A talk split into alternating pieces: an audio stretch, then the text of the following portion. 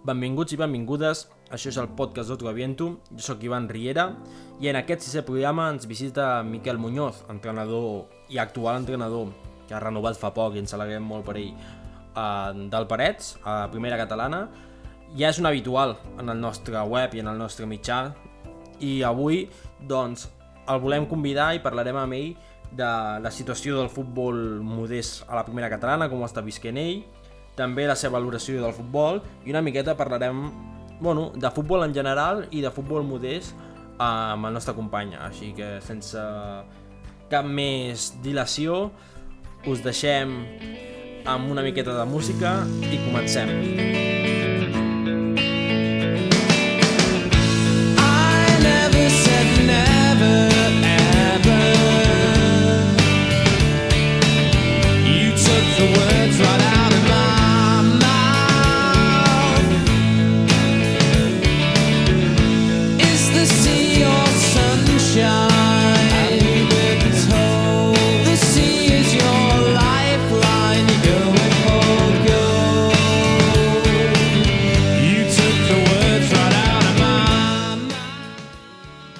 Benvinguts i benvingudes. Avui tenim a Miquel Muñoz, actualment entrenador del Parets. Va renovar fa poc, no, Miquel? Sí, sí, sí. Farà potser 10 dies. I, bueno, si vols fer una petita valoració d'aquesta temporada, de com, com ha anat aquesta estranya temporada històrica ja. Bé, doncs ha estat una temporada, com tu dius, no? una mica típica, perquè s'ha acabat eh, molt abans i, i el que volíem era, era acabar-la era acabar-la jugant, però bé, és el que ens marquen. Llavors la temporada a nivell, a nivell general, pel que fa a les sensacions nostres, eh, més enllà de resultats purament, eh, Mm. la valorem com a, com a molt positiva. Ha estat una experiència extraordinària.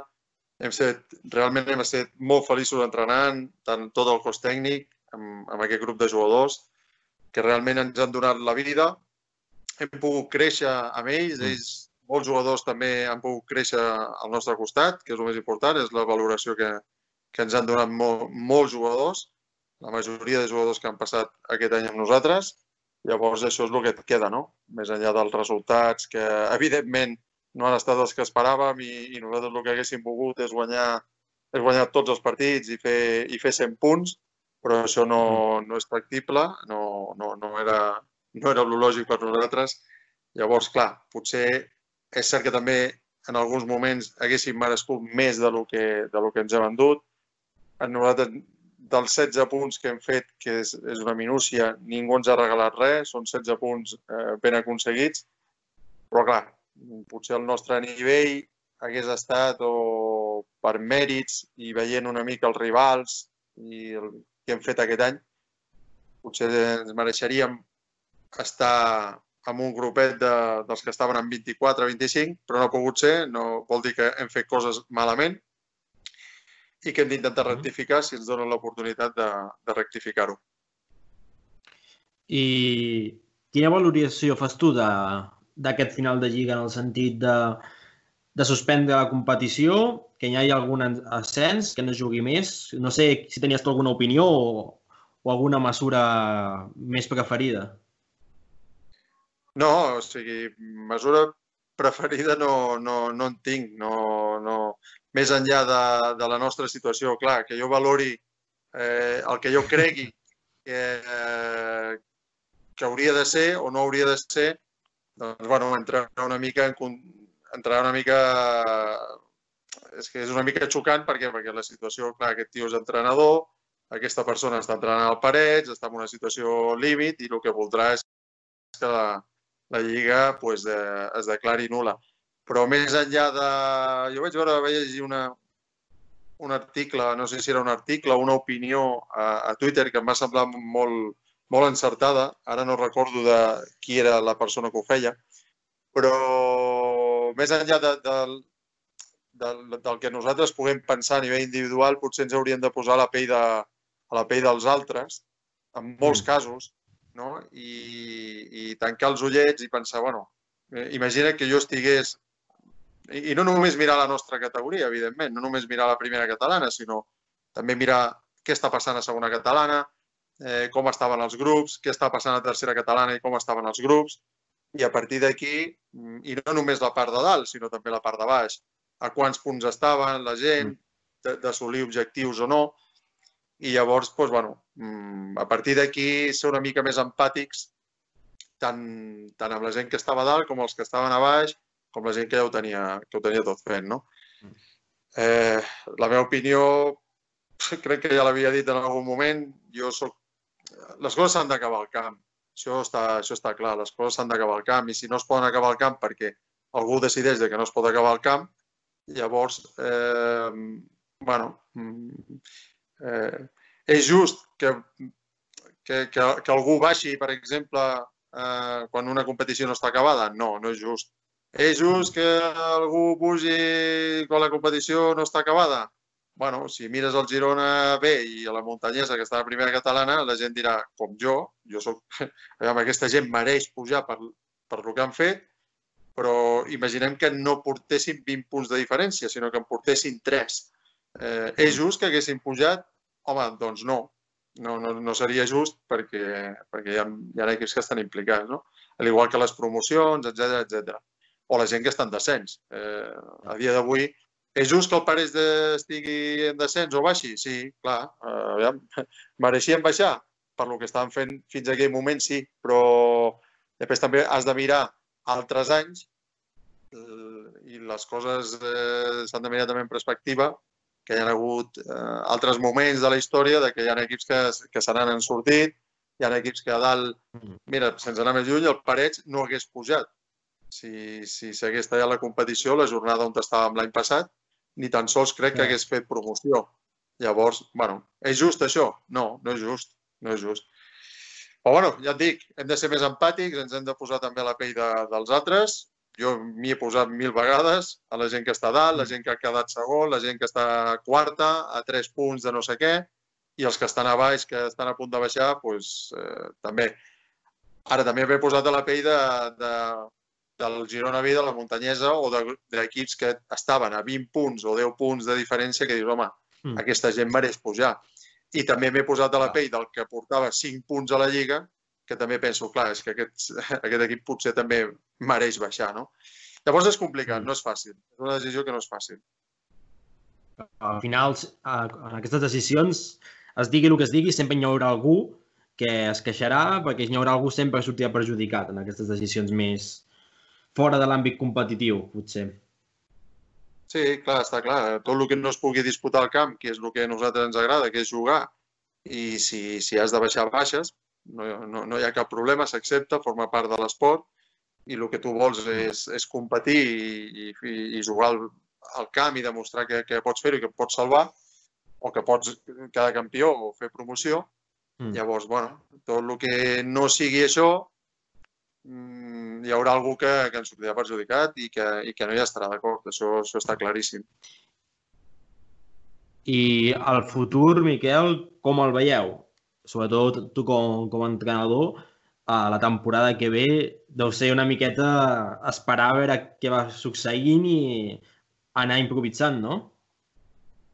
Sí, no, no, sobre, sobre la marxa. A dia d'avui encara la Federació Catalana no s'ha pronunciat eh, es poden tenir certes idees per on pot anar, per on pot anar la, la cosa, en funció del que han fet eh, altres territorials bastant similars a, a la catalana, però més enllà d'això, és que a dia d'avui encara no sabem, hi ha moltes coses que no se saben.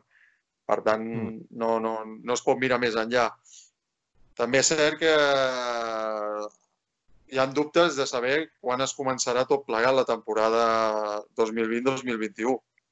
Llavors, mm. fer planificacions o pensar fins que no ens diguin exactament quan s'iniciarà tot, doncs és llançar, és, fer, fer volar coloms, no?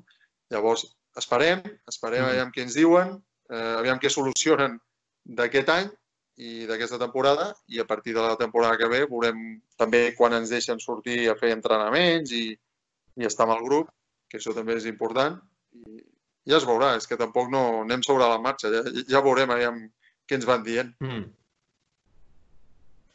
I seguint una miqueta ara això, la situació aquesta del planning de la temporada que ve, ara potser fico una mica de compromís, però no sé tu, però almenys a nivell de xarxes, jo el que estic veient molt, a, a banda de que està ben de, de sobte un ball de jugadors i entrenadors per tots els clubs, que suposo que al final deu anar una mica de la mà d'aquesta situació, però que m'ha sorprès.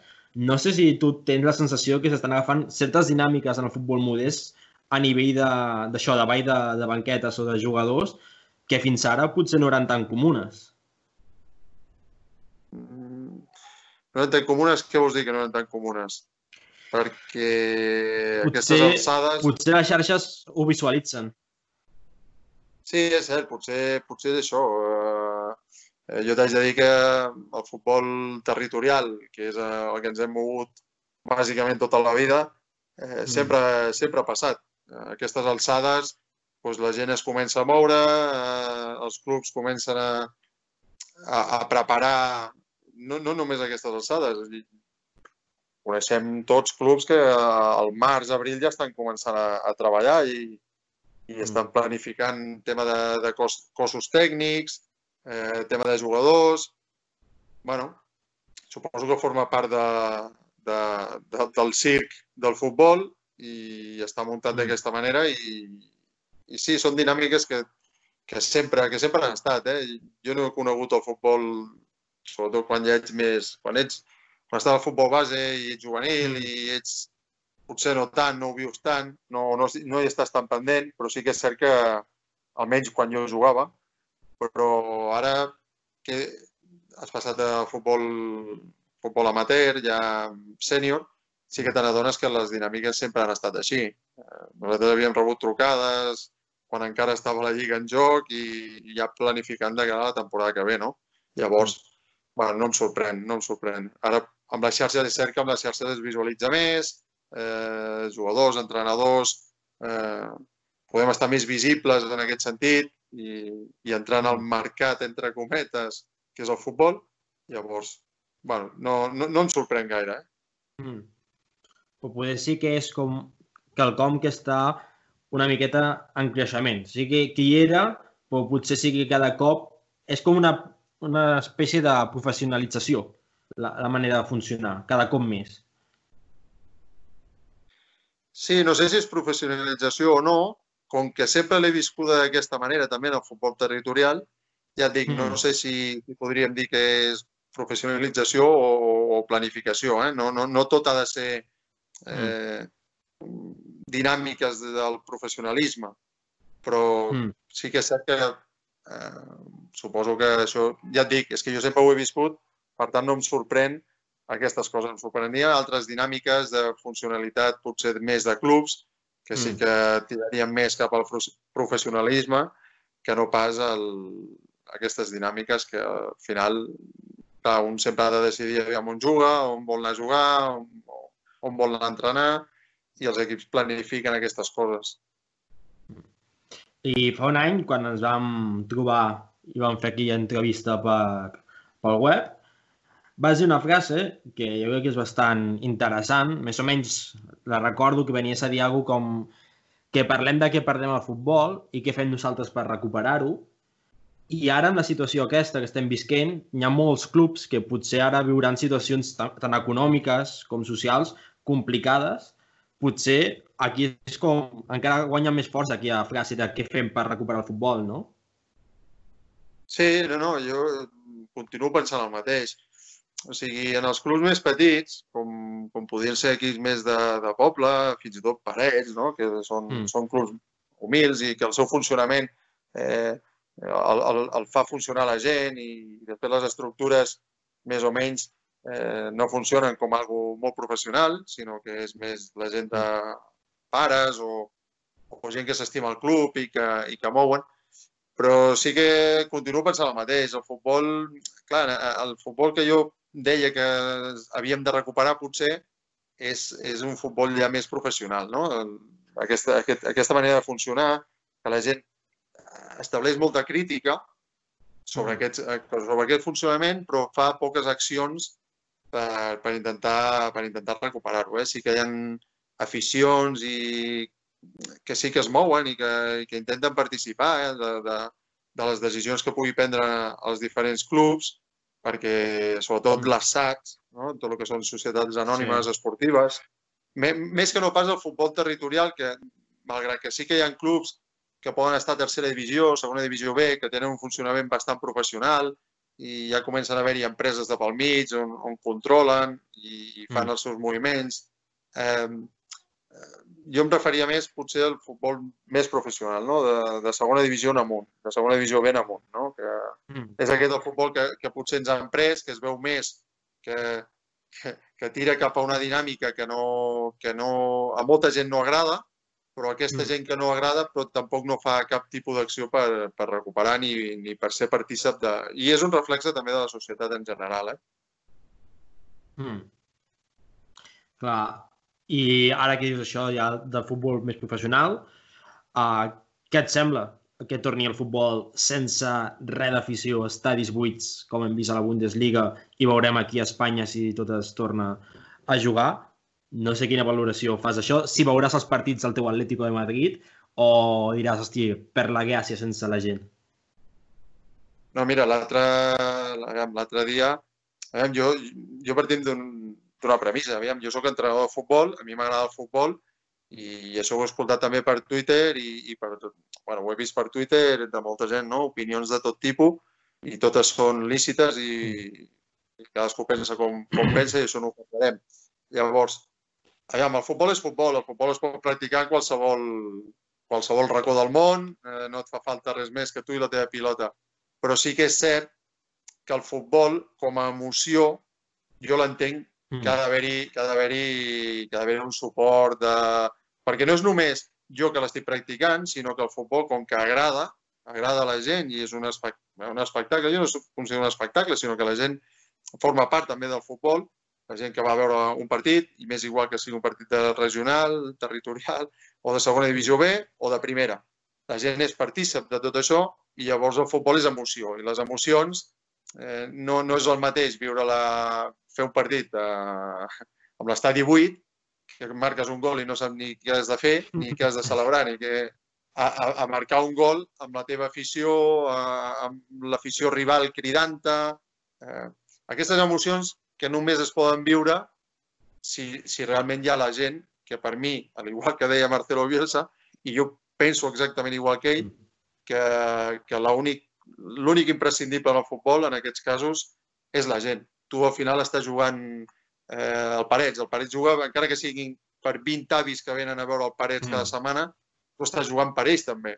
No estàs jugant només per, per tu i ah. pel, pels 11 companys, sinó que estàs jugant per, per una gent que s'estima aquell escut, que, que, que vol que el seu parell, la seva representació com a poble, com a, com a ciutat, es vegi representada per 11 tios que estan corrent darrere d'una pilota i, i també jugues per això, no?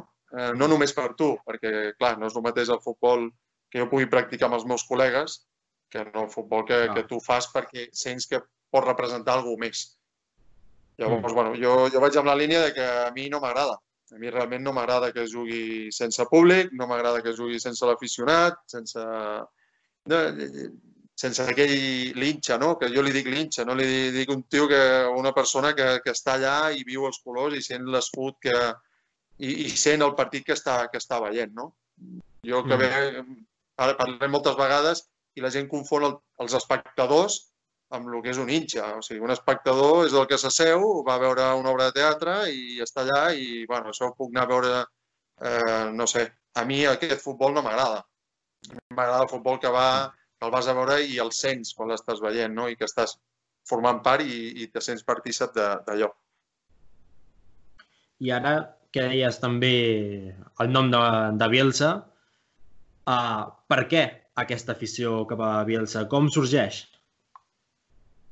No, la veritat és que em, em sento perquè jo valoro les persones eh, més enllà de, de, de, de la seva, eh, no sé com dir-ho, de, de,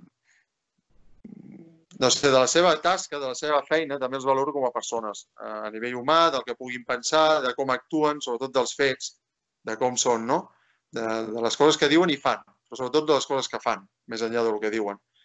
Llavors, Bielsa em sembla un, una persona que, és, evidentment, no el conec absolutament de res. Potser si el conegués pensaria que, que, està, que està boig i que realment que no, amb mi no, no, no tenim cap tipus d'afinitat, però sí que em dóna la impressió que per les coses que fa eh, demostra tenir uns valors bastant similars, bueno, o que jo m'hi veig bastant identificat amb ell, i, i d'aquí ve, no? més enllà de, dels gustos i les preferències a nivell, a nivell futbolístic. No? Mm. Hi ha un, uns certs valors que compartim, o que jo crec que compartim, i, i valoro també de no? la persona de, de Marcelo Bielsa o d'altres entrenadors. No? Eh, Jurgen Klopp també té certs valors que, bueno, que, que m'hi sento força identificat. Per exemple, el Xolo Simeone també té alguns valors que també m'hi podria sentir identificat, però sí que és cert que Bielsa sempre m'ha despertat un, un interès eh, particular. Eh? Tant ell com Jurgen, ara que ha aparegut ara, però Jurgen és més a nivell futbolístic que no mm. pas eh, no tan humà. Eh, mm. Bielsa, en, en tema més humans, eh, m'atrau més. Mm. Clar, parles de, de Bielsa, Klopp, Simeone, en què tenen les seves diferències, tenen un sistema de joc, bueno, o una filosofia de joc semblant. No sé si això també t'impregna a l'hora de, de fer jugar els teus equips. Sí, bueno, més enllà de... Per mi són diferents, són tots tres bastant diferents, un, un perquè ja prové d'una escola alemanya on el futbol és, és molt concret eh, i així reflexa amb els seus equips, equips que són molt ràpids, que, que són molt agressius eh, tant en atac com en defensa, que repleguen molt, sí que ha incorporat certs aspectes que el futbol alemany mm, no, no tenia als anys 90, no? com és el, mm quan té la pilota en certs moments fer un joc més posicional, que això el futbol alemany no, no ho tenia, eren més de córrer amunt i avall. Llavors, Bielsa sí que és, eh, és diferent, jo crec que és diferent als altres. El Xolo, evidentment, és, és més bilardista, una persona que, tot i que també ha incorporat últimament alguns aspectes de joc més posicional, però bueno, està clar que ell la seva, la seva idea és, és eminentment defensiva, mm, hmm. però, però bueno, és respectable perquè també també ha tret molt rendiment de tots eh, dels equips que, que està, bueno, en aquest cas l'Atlètic, però abans amb, amb River o, mm. o fins i tot quan va estar a Itàlia va fer, va fer bones temporades amb equips eh, més, no, més humils, no? Llavors, bé, eh, de tots ells es poden treure coses i en el futbol bueno, defensivament pots treure coses de, del Xolo Simeone o de qualsevol altre entrenador o equip que, que hagis pogut veure. A mi del, és cert que a mi sempre m'ha tret molt, i ho he dit mm. més d'una ocasió, a mi sempre m'ha tret molt el futbol alemany de, dels anys 90, no? Jo, la meva joventut, la meva, va per aquí, no? Els anys 90, llavors eh, el futbol alemany sempre m'ha tirat molt perquè pensa que eren equips això, no? que, que corrien amunt i avall, que eren molt ràpids, que no, si podien crear-te 50 situacions de gols, te les creaven més enllà del resultat, o sigui que podien anar 2 a 0, que continuaven atacant, eh, defensivament però, bueno, eren equips bastant agressius, i, i el futbol que a mi m'atrau és aquest, el que realment m'agrada veure, doncs, doncs aniria més per aquí, no? Però bueno, de tot, de tot se'n treu, se'n treu també de, del joc més posicional del Barça, de Guardiola o de Bielsa, eh, bueno, pues, també se'n treu coses i, i també ho utilitzem. Hi ha vegades que també s'utilitza. Ah. Uh, I tu que es, portes anys visquent el futbol català, el futbol regional, uh, quina valoració fas del, del futbol a nivell ja d'estil de joc, de jugadors que t'has trobat? No sé si ets de qui considera que és un futbol molt físic i poc tècnic i tàctic o que sí que té aquesta també part tècnica i tàctica al futbol català. Sí, el futbol català, jo crec que el nivell del futbol català, en general, jo considero que és bastant, bastant bo. Eh? eh només s'ha de veure la quantitat de jugadors catalans que estan, que estan jugant en categories com la primera, la segona divisió, eh, la segona divisió B, tercera, el nivell de, del grup català és altíssim les primeres catalanes, que són com una tercera en petitet, perquè mm. també comença a haver-hi equips on juguen molt bé la pilota.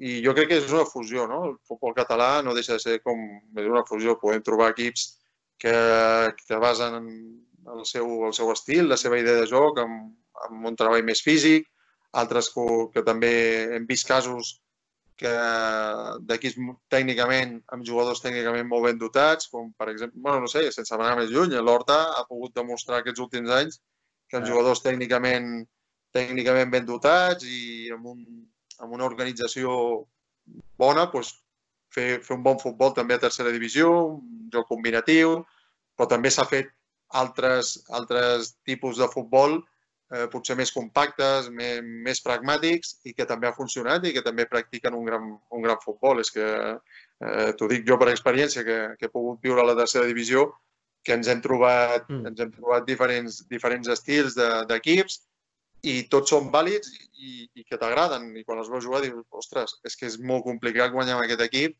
que fa un futbol tan pragmàtic. I, i veus un equip que potser és més combinatiu i dius que és que també t'està costant molt, no? O sigui, bé, jo crec que el futbol català té, té, un, nivell, té un nivell alt. I el que mm. deia, s'ha de veure amb el perfil dels jugadors que surten, jugadors que, que corren per aquí, que corren amb altres, amb altres equips de fora de Catalunya. Llavors, bueno, eh, s'ha de seguir treballant, s'ha de seguir treballant amb la base i que surtin més jugadors, que puguin augmentar el nivell i el més important dels entrenadors és això, intentar millorar els jugadors que tens i si això es pot començar des de petits, doncs millor, no, no mirar tant el resultat col·lectiu de lligues i tot, sinó que per un entrenador, evidentment, quan més jugadors puguin arribar a dalt, millor, no? Sí, sí, totalment. Llavors podríem dir que el mite aquest de que el futbol doncs, de poble o futbol regional o futbol català, aquest mite d'aquest futbol de patadón i avorrit, és un mite i no és la realitat. bueno, cada cop, jo crec que cada cop més eh, els equips, eh, els entrenadors també estan, estan millor preparats, la gent té més formació, els mateixos jugadors eh, també et reclamen, no, no, no aquí, no, bueno, suposo que a, a tot arreu aquí, mm. eh, parlem de Catalunya, eh? però bueno, això és mm. extensiu a tot, a tot la, la resta de l'Estat. Jo entenc que el jugador actual eh, ja ve d'un altre tipus de, de superfície, ja ha començat des de petiteta en camps de gespa artificial, tocant molt la pilota, amb entrenadors que estan molt ben formats, que, que busquen cosetes bastant similars. És cert que hem perdut altres aspectes del futbol que, que s'han anat perdent, que abans potser sí que ho tenies més assumit, aspectes més defensius, eh, es, treba, es treballaven aspectes que, que ara potser no es treballen tant. Llavors, bueno, va evolucionant, tot va evolucionant. No, no, no és que sigui ni millor ni pitjor, s'ha d'intentar trobar un equilibri. A, a mi m'ha enganxat, realment m'ha enganxat el que podríem dir els dos futbols, el futbol d'abans i el futbol més, més, més actual. I sempre intento equilibrar, no? Quan parlo amb els jugadors intento equilibrar. No? Sí que el jugador d'ara entenc que alguns, o, o en general, són jugadors tècnicament millors, però, o almenys és la que a mi em dona, però després eh, s'ha perdut el que és eh, entendre el joc. No? Abans el jugador s'espavilava més perquè potser no tenia tanta ajuda per part de l'entrenador, s'havia de buscar la vida i tenia certs recursos que ara al jugador actual li manquen, no? I llavors hem d'intentar equilibrar-ho d'alguna manera. I a mi m'agrada parlar amb els jugadors i intentar fer-los reflexionar i entendre que, bueno, que el futbol no és només tenir la piloteta i, i fer quatre rondos o quatre, quatre possessions, sinó que el futbol és molt més i s'han de treballar molt més aspectes.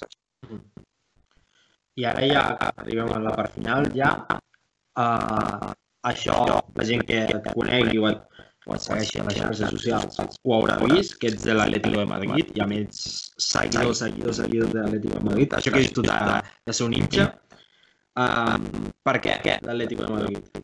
Quina història darrere de, de, de ser d'aquest equip que per molts potser els sorprèn més joves, però fins fa no massa no era un dels equips top, sinó que era un equip històric o que, que les temporades lluitava cada temporada. Sí, aviam, tampoc no té, no té una explicació, aviam, tampoc no soc un, un, un, un, un mitjà radical, no, no, ni molt menys. Eh? I que sóc de l'Atlètic, a vegades eh, Sí, eh, a vegades eh, ja saps tu que les associacions aquestes eh, a vegades són, són complicades, no? Eh, T'associen a l'Atlètic de Madrid amb una sèrie, amb un, amb un perfil de seguidors que no, que no, que és tot el contrari al que jo sento. És més, l'Atlètic de Madrid no té res a veure eh, en gran part eh, de la seva afició amb, amb aquest, amb aquest, podríem dir, ja ho puc dir, amb el Frente Atlético, sigui, no té res a veure, tot i que molta gent ho assimila, no? Però l'Atlètic de Madrid, l'Atlètic Atlético, i no, és tot el contrari. L'Atlètic de Madrid és un club de les classes populars de Madrid, de, de la classe obrera de Madrid, mm, aquesta és la base principal, o sigui, sempre ha estat així i serà així, eh, però com a tot arreu, com a tots els clubs eh, actuals, doncs sempre hi haurà una part, un aficionat pues, eh, menys tolerant, eh, extrema dreta, on, on, bueno, té el Barça, ho té l'Espanyol, ho té l'Atlètic, ho té el València, ho té el Madrid i ho tenen pràcticament tots els equips del món. No? Potser eh, amb menys quantitat uns que d'altres, però, però tenen. Llavors, bueno, a mi ve la aquesta afició per l'Atlètic i no sabia de, no sabia de per què. Jo als anys, dels 90 m'agradava molt, m'agradava molt la Putre, m'agradava molt el Juster, veia que, que, que, que, que era una època en la qual l'Atlètic de Madrid es començava a donar amb aquestes televisions privades, d'Antena 3, eh, Jesús Gil.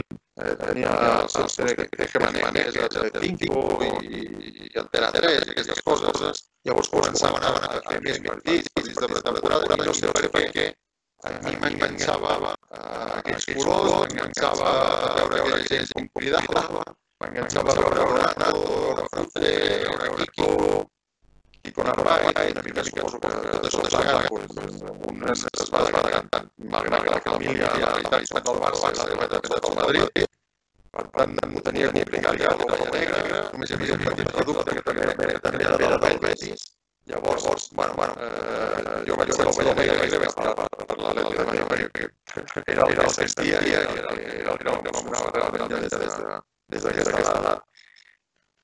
Home, i has vist al final també a aquest que has patit molt bon. A l'Atlètic, vols dir? Sí, sí, sí. Sí, sí, sí, no, al final també, mira, mira, no saps per què, també, també aquestes coincidències, no? és una equip que, que sense ara, bueno, amb, amb, eh, jo sempre he recordat un equip com el tercer equip d'aquí d'Espanya, no? un equip que lluita per copes, que lluita per lligues, que sempre estàs a dalt, sí que hem passat un desert, eh, ens van tenir per durant uns anys, anys ens ens hem anat recuperant mica mica i ara estem recuperant la nostra copa l'atlètica que aquesta ha de ser l'equip que, que emprenya el Madrid, que emprenya el Barça en tant, i si guanyem el món la cosa, mira, mira, benvingut, sí, sí, no. Eh, bé, la planificació inicial, quan, quan he dit, és bastant, és bastant important, perquè tothom era del Barça, tothom era de Madrid, i llavors que pareixia l'Atlètic, no? I, bueno, el president de l'Espanyol, l'Atlètic, té moltes dificultats, també,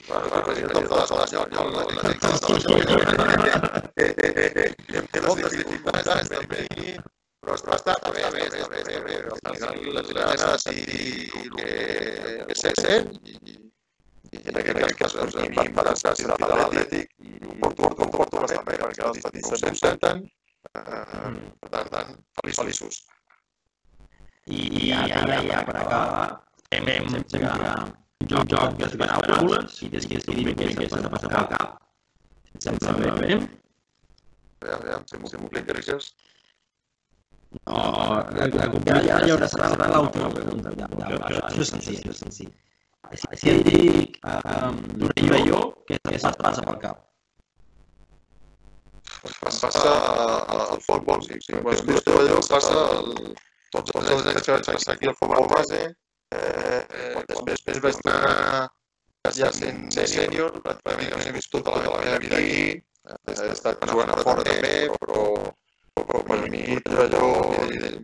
Ah, clar, és el meu equip de sempre, de tota la vida, soc soci de Torelló, eh, per tant, ho és tot, no? Eh, sí que és cert que fa molts anys que soc fora, que no, ja, ja molts anys que vaig sortir d'aquí, continuo portant, ja et dic, soc soci, he anat a la UCL, fins i tot a, de la, de la Junta i cada, cada cop que puc i m'agrada també escapar-me, però ho dit, no, no soc molt aquest any, per exemple, he anat cap cop i, i potser hauria d'anar-hi més, però, però, bueno, bueno, una, una cosa són el que sento, que això, això no, no ho treure ningú i per mi, però jo ho és tot. Si et dic un català i teatres d'animació, Bé, venen, venen, venen al cap doncs, totes aquestes petites grades o, o grans grades d'animació que tenim i, i que continuen, continuen estant, malgrat, eh, malgrat tot, i continuen animant, eh, desperdicis, eh, gris grana, escapats, els de l'Europa, els de les de la muntanyesa, irrepetibles, etc etc els de Sants, els de Ressaca, eh, però també em ve al cap eh, aquests quatre, quatre, cinc avis que estan al cap de parets, o, o aquesta gent que va veure el Torelló, que estan animant, que es diuen els dracs, o, o igual, qualsevol, qualsevol gent que, que, vagi, que vagi a veure el nostre futbol, no? que al final és el que vivim i és el que sentim. i, ara l'última paraula, Atlético de Madrid. Uf, aquesta és complicada, perquè aquesta també és tot, aquesta també és tot, és com, és com no? És quan sents, quan sents algú, algú, que no saps explicar, perquè també, clar, m'agafes 600 quilòmetres i penses com aquest tio eh, li ve aquesta... Però no, sé, no saps per què, però ho sents. És com el que sent l'Espanyol, el Barça, el Madrid, ho sents i, i realment també, també ho, és, ho és tot, no?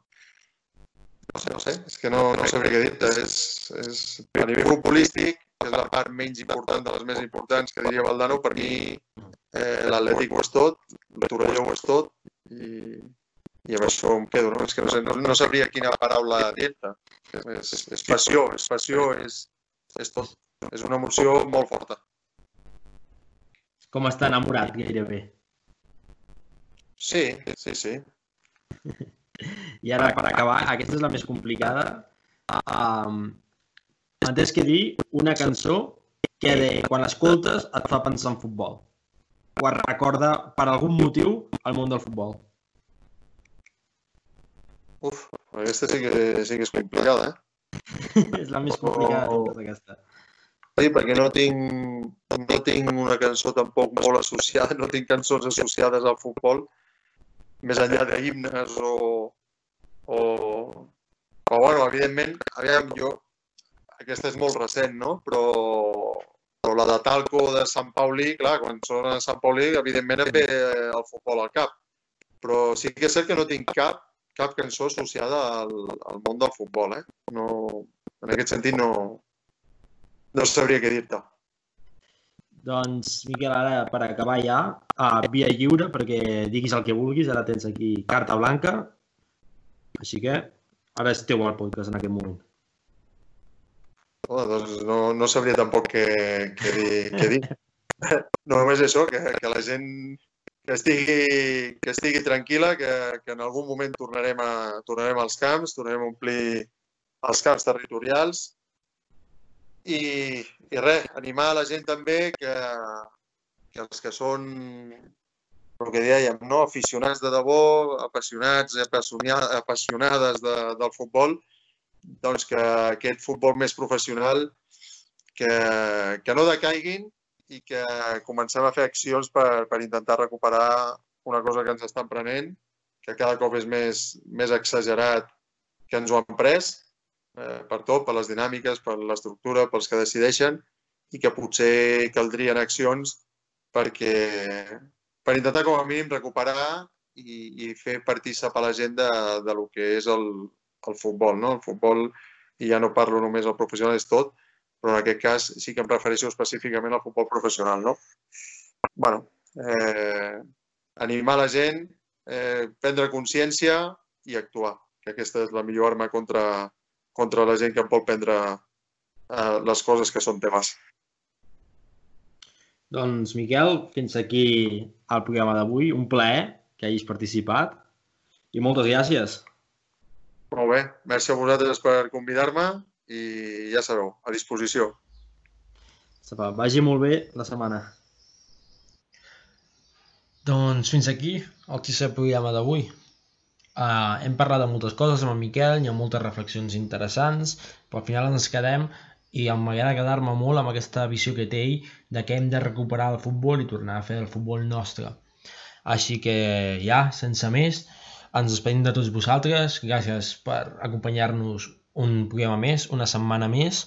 I us deixem amb la cançó de, de Sant Paulí, la famosa cançó de, de Talco. I us recordem que, que aquest mm, diumenge tindrem bueno, el president del Tona i parlarem una miqueta de la història del club. Així que ens veiem diumenge.